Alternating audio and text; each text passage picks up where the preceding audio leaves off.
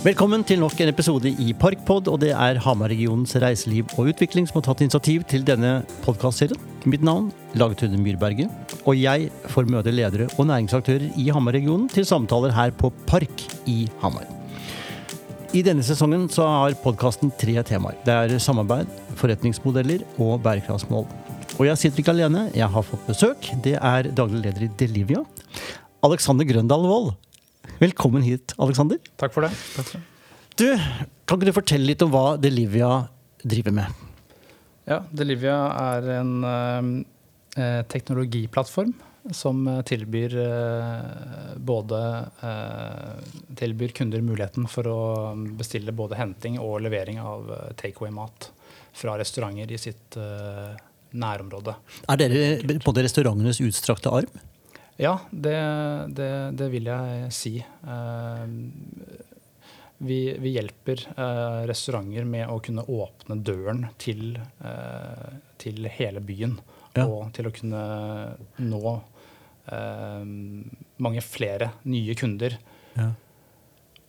Du sier teknologiplattform. Ja. Forklar.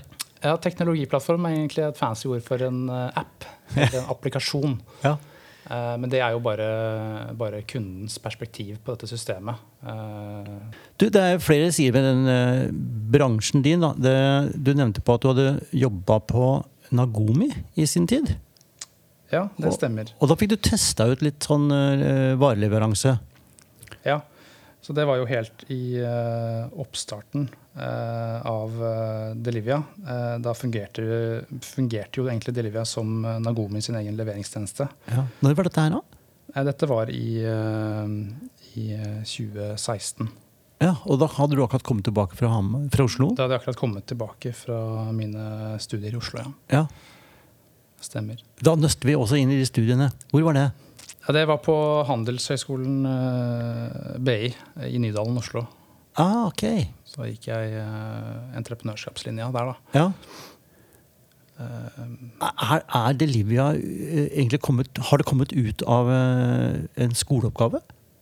Uh, ja, det, det har det. Uh, andre året på entreprenørskapslinja så hadde vi et fag som het eh, Bedriften. eh, hvor jeg hadde en, eh, en veldig inspirerende foreleser som het Tor eh, Haugnes. Ja. Um, og i det faget så, så had, fikk vi oppgave eh, å rett og slett eh, komme opp med en eh, forretningsidé. eh, og starte en, eh, en eh, studentbedrift. ja. Eh, og da var det faktisk et krav eh, på slutten av det året at vi eh, måtte ha en, en omsetning på mellom 10 000 og 15 000 kroner. 10 000-15 000 kroner? Ja, Det høres ut som vafler i skiløypa på Gåsbø. ja det, det høres jo litt sånn ut, og jeg tror kanskje det var intensjonen òg. men jeg klarte jo ikke å la være å, å tenke litt, litt større. Så jeg lurte jo fælt på da hvordan, hvordan i all verden jeg skal klare å hoste opp med en eh, forretningsidé bare på en ukes tid. Ja. Uh, og spurte jo han Tor Høgnes uh, om, om litt råd om hvor man uh, da burde begynne. Ja. Og da fortalte han meg at, at du, må, du må finne et problem som, som trenger å bli løst. Eh, og det beste stedet da å lete er jo i eh, en bransje som du har litt innsikt i. Eh, og den bransjen som jeg hadde litt innsikt i, var jo restaurantbransjen.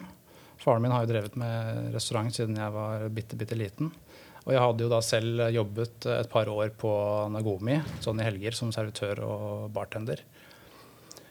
Eh, Så jeg gikk jo liksom i hodet mitt gjennom eh, alle mulige eh, kriker og kroker av, av den strukturen, da. Restaurantstrukturen.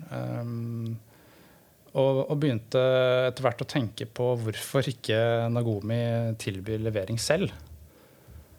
Og svaret på det er jo egentlig ganske enkelt. Det er altfor dyrt uh, å, å, tilby levering fra en enkeltperson. Du må, du må gå til innkjøp av bil uh, og alle kostnadene som, som følger med det. Og så må du betale lønn til en sjåfør. Så det lønner seg rett og slett ikke. Uh, Men hva om et eh, selskap kan eh, håndtere leveringen til alle restaurantene i en hel by? Eh, da må jo det selskapet klare å få nok leveranser per time til at det kan bli lønnsomt. Mm. så det var på en måte der det begynte. Eh, prøve å løse, løse et problem. Og begynte med budsjetter og forretningsmodeller og alt mulig slags. Og hadde jo presentasjoner i, i klasserommet da, Ja. foran en del elever. Åssen gikk det?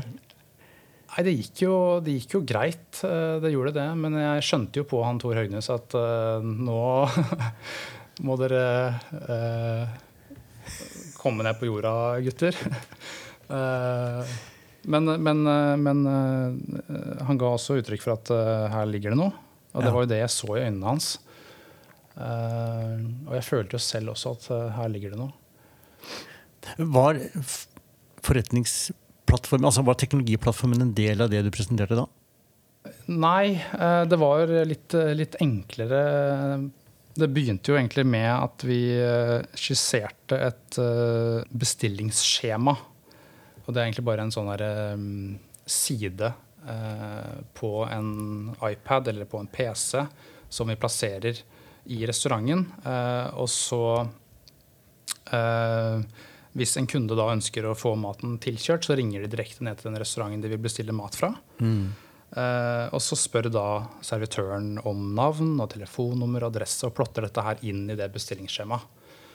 Eh, og det var jo slik, eh, slik systemet fungerte også når vi var Nagomi sin leveringstjeneste det første året.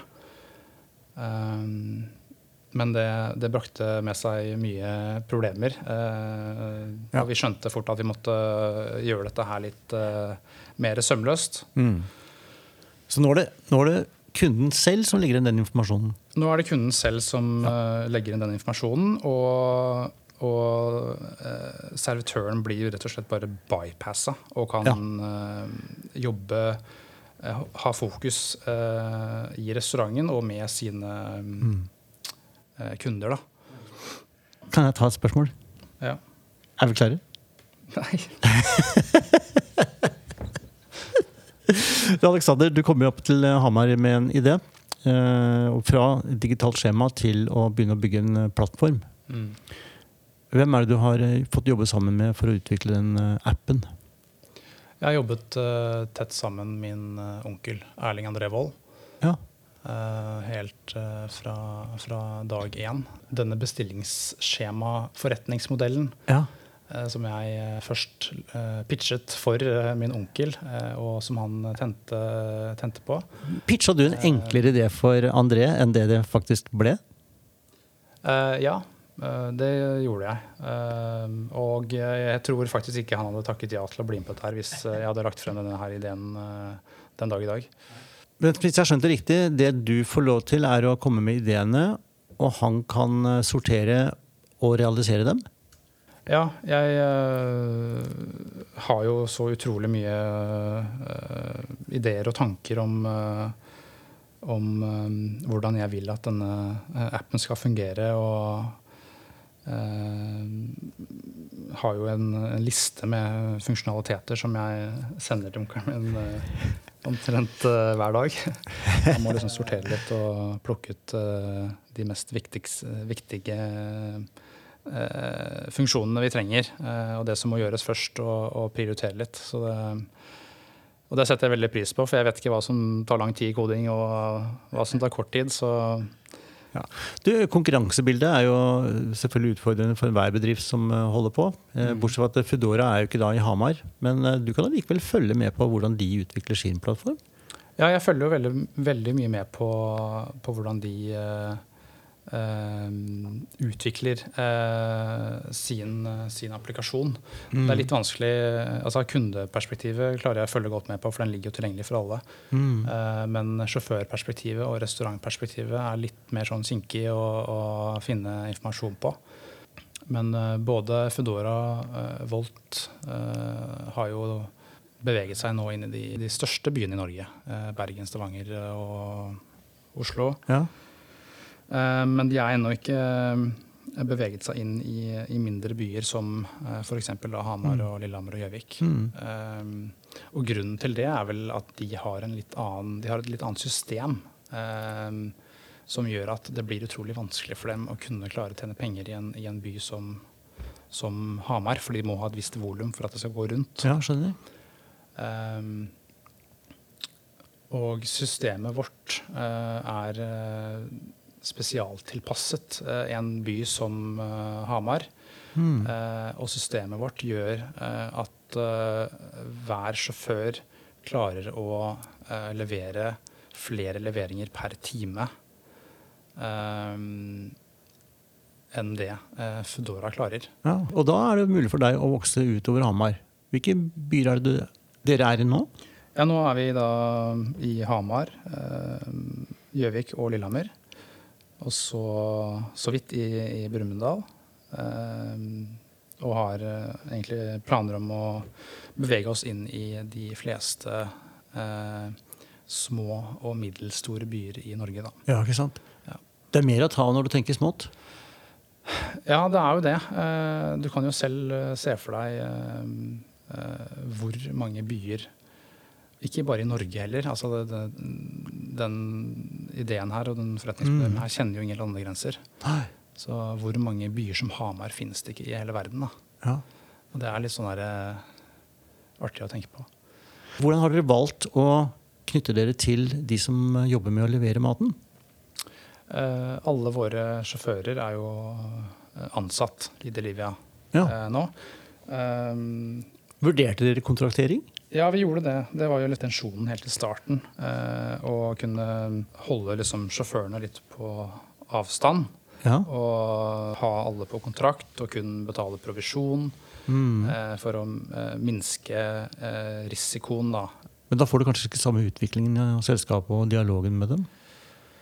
Nei, da må du sørge for at du har en armlengdes rekkevidde hele tiden. Mm. du kan jo f.eks. da ikke kreve at eh, sjåførene skal gå med grønne Delivia-jakker.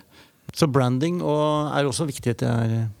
Ja, branding er, er veldig veldig viktig. Eh, jeg kunne jo ønske at det var litt kortere avstander mellom, eh, mellom eh, sentrum og, og hus på Hamar, sånn Ja. som det er i Oslo. Ja. Eh, for da kunne vi ha benyttet eh, sykler, vi også. Mm. Og da hadde jo disse sjåførene vært eh, ikke bare synlige når de går inn og ut av bilen, men eh, i gatene og sånne ting. Dere har ikke egne biler? Vi har ikke egne biler. Sjåførene de eh, benytter sine egne private biler. Ja. Så har de da en delt uh, timelønn og delt uh, provisjon da, for å kunne bli motivert til å jobbe raskere og plukke flere, flere leveranser. Mm. Du, nå I hovedsak så er det da restauranter som dere da jobber med å levere mat for. Er det andre aktører dere ser på? Hovedsakelig er jo nå dette systemet skreddersydd mot eh, restauranter. Ja. Nå har vi jo faktisk inngått samarbeid med eh, slakteren Staslin på Matkvartalet. ja. som er eh, litt mer en butikk enn restaurant. Så, vi, så vi, vi lukter jo litt på det markedet der. Eh, Vi ser jo Foodora også. De har jo begynt å samarbeide med dagligvareforretninger. De har til og med startet sin, eh, sitt, eh, sin egen dagligvareforretning som heter Foodora Market. Sier du det, ja? Ja, eh, går jo rett i strupen på da, kolonialen. Mhm. Så det er jo tydelig at, at det er et eh, veldig, veldig stort marked her. Eh, ikke bare i eh, restaurantbransjen. Så det er rom for å forretningsmessig utvikle nye markeder òg? Ja, det er det helt klart. Eh, ikke bare har, eh, har disse største aktørene gått eh, over fra bare å levere restaurantmat til å levere dagligvarer, men de har jo også eh, sine egne eh, black kitchens. Ok, hva er det for noe? Det er egentlig sånne på norsk eh, spøkelseskjøkken, som da er eh, restauranter som man ikke kan besøke, eller hovedsakelig bare et kjøkken Ja. som produserer mat, og så selges det for eh, levering gjennom da disse matleveringsplattformene. Ok. Eh, så hvis Foodora eksempel, eller Delivia da, Mhm. eh, går inn i et, eh, et marked hvor det er litt snevert utvalg Mhm. eh, De mangler kanskje italiensk og thaimat. Ja. Eh, så kan de da opprette et kjøkken hvor de plasserer et par kokker, og så produserer de da mat eh, som kun selges via plattformen for å dekke det tilbudet. da. Akkurat. Og da blir også Delivia på en måte produsent av mat òg? Ja, ikke sant? Så, Spennende. Ja. Det ligner nesten litt på pop-up-restaurantene nede på Mjøsfronten. ja, det blir jo litt sånn. Eh, Mye analyse av markedet her òg. ja, det er veldig mye å følge med på, eh, og utviklingen skjer, eh, skjer veldig fort. Ja. Så man må ha tunga rett i munnen. ja. Du, eh, apropos tunge rett i munnen. Vi skal videre på neste tematikk. Og da kommer den Da er vi over på bærekraftsmålene. Det er kanskje flere sider ved driften deres som kan være til hjelp for eh, bærekraftsmålene? Uh, ja da, vi anbefaler uh, restauranter å benytte seg av miljøvennlig og resirkulerbart uh, takeaway-emballasje. Nemlig. Eh, for det går det jo veldig mye av. Det er jo eh, både pakninger og poser per bestilling. Eh, så, så det kan bli mye mye søppel av det. Så det er veldig viktig at det materialet er av bærekraftig materiale. Mm. Og så vil jeg jo veldig gjerne gjøre det om til et krav at mine ansatte eller sjåfører skal benytte seg av elektriske biler. Mm. Det er litt tidlig, eh, og det handler egentlig bare mest om at det fortsatt er ganske dyrt eh, for, for eh, en elbil med rimelig rekkevidde. Da. Mm. Du, kan ikke, du kan ikke ha en elbil som du må lade en gang i timen Mm. når du er på jobb. Det nytter ikke. Men, men jeg tipper at det ikke er mange år til at det blir rimeligere og å kjøpe seg en elbil som eh, går langt nok. Ja. Du, når vi snakkes neste gang om eh, fire år, eh, hva har skjedd i mellomtiden? Nei, da har det skjedd mye. Da er vi, da er vi i de fleste norske mellomstore og små byer i Norge. Ja. Her skal det ekspanderes. Her skal det ekspanderes, det er ingen tvil om. Du, veldig kult at det skjer på Hamar. At du kom hjem hit med en så fersk og spennende idé som du har fått realisert. Jo, eh, takk for det. Og lykke til videre. Tusen takk. Veldig hyggelig å være her. Parkpod er produsert av Storyphone AS for Hamar-regionens gründer- og næringshus Park. Episodene publiseres på en rekke plattformer hvor du hører dine podkaster.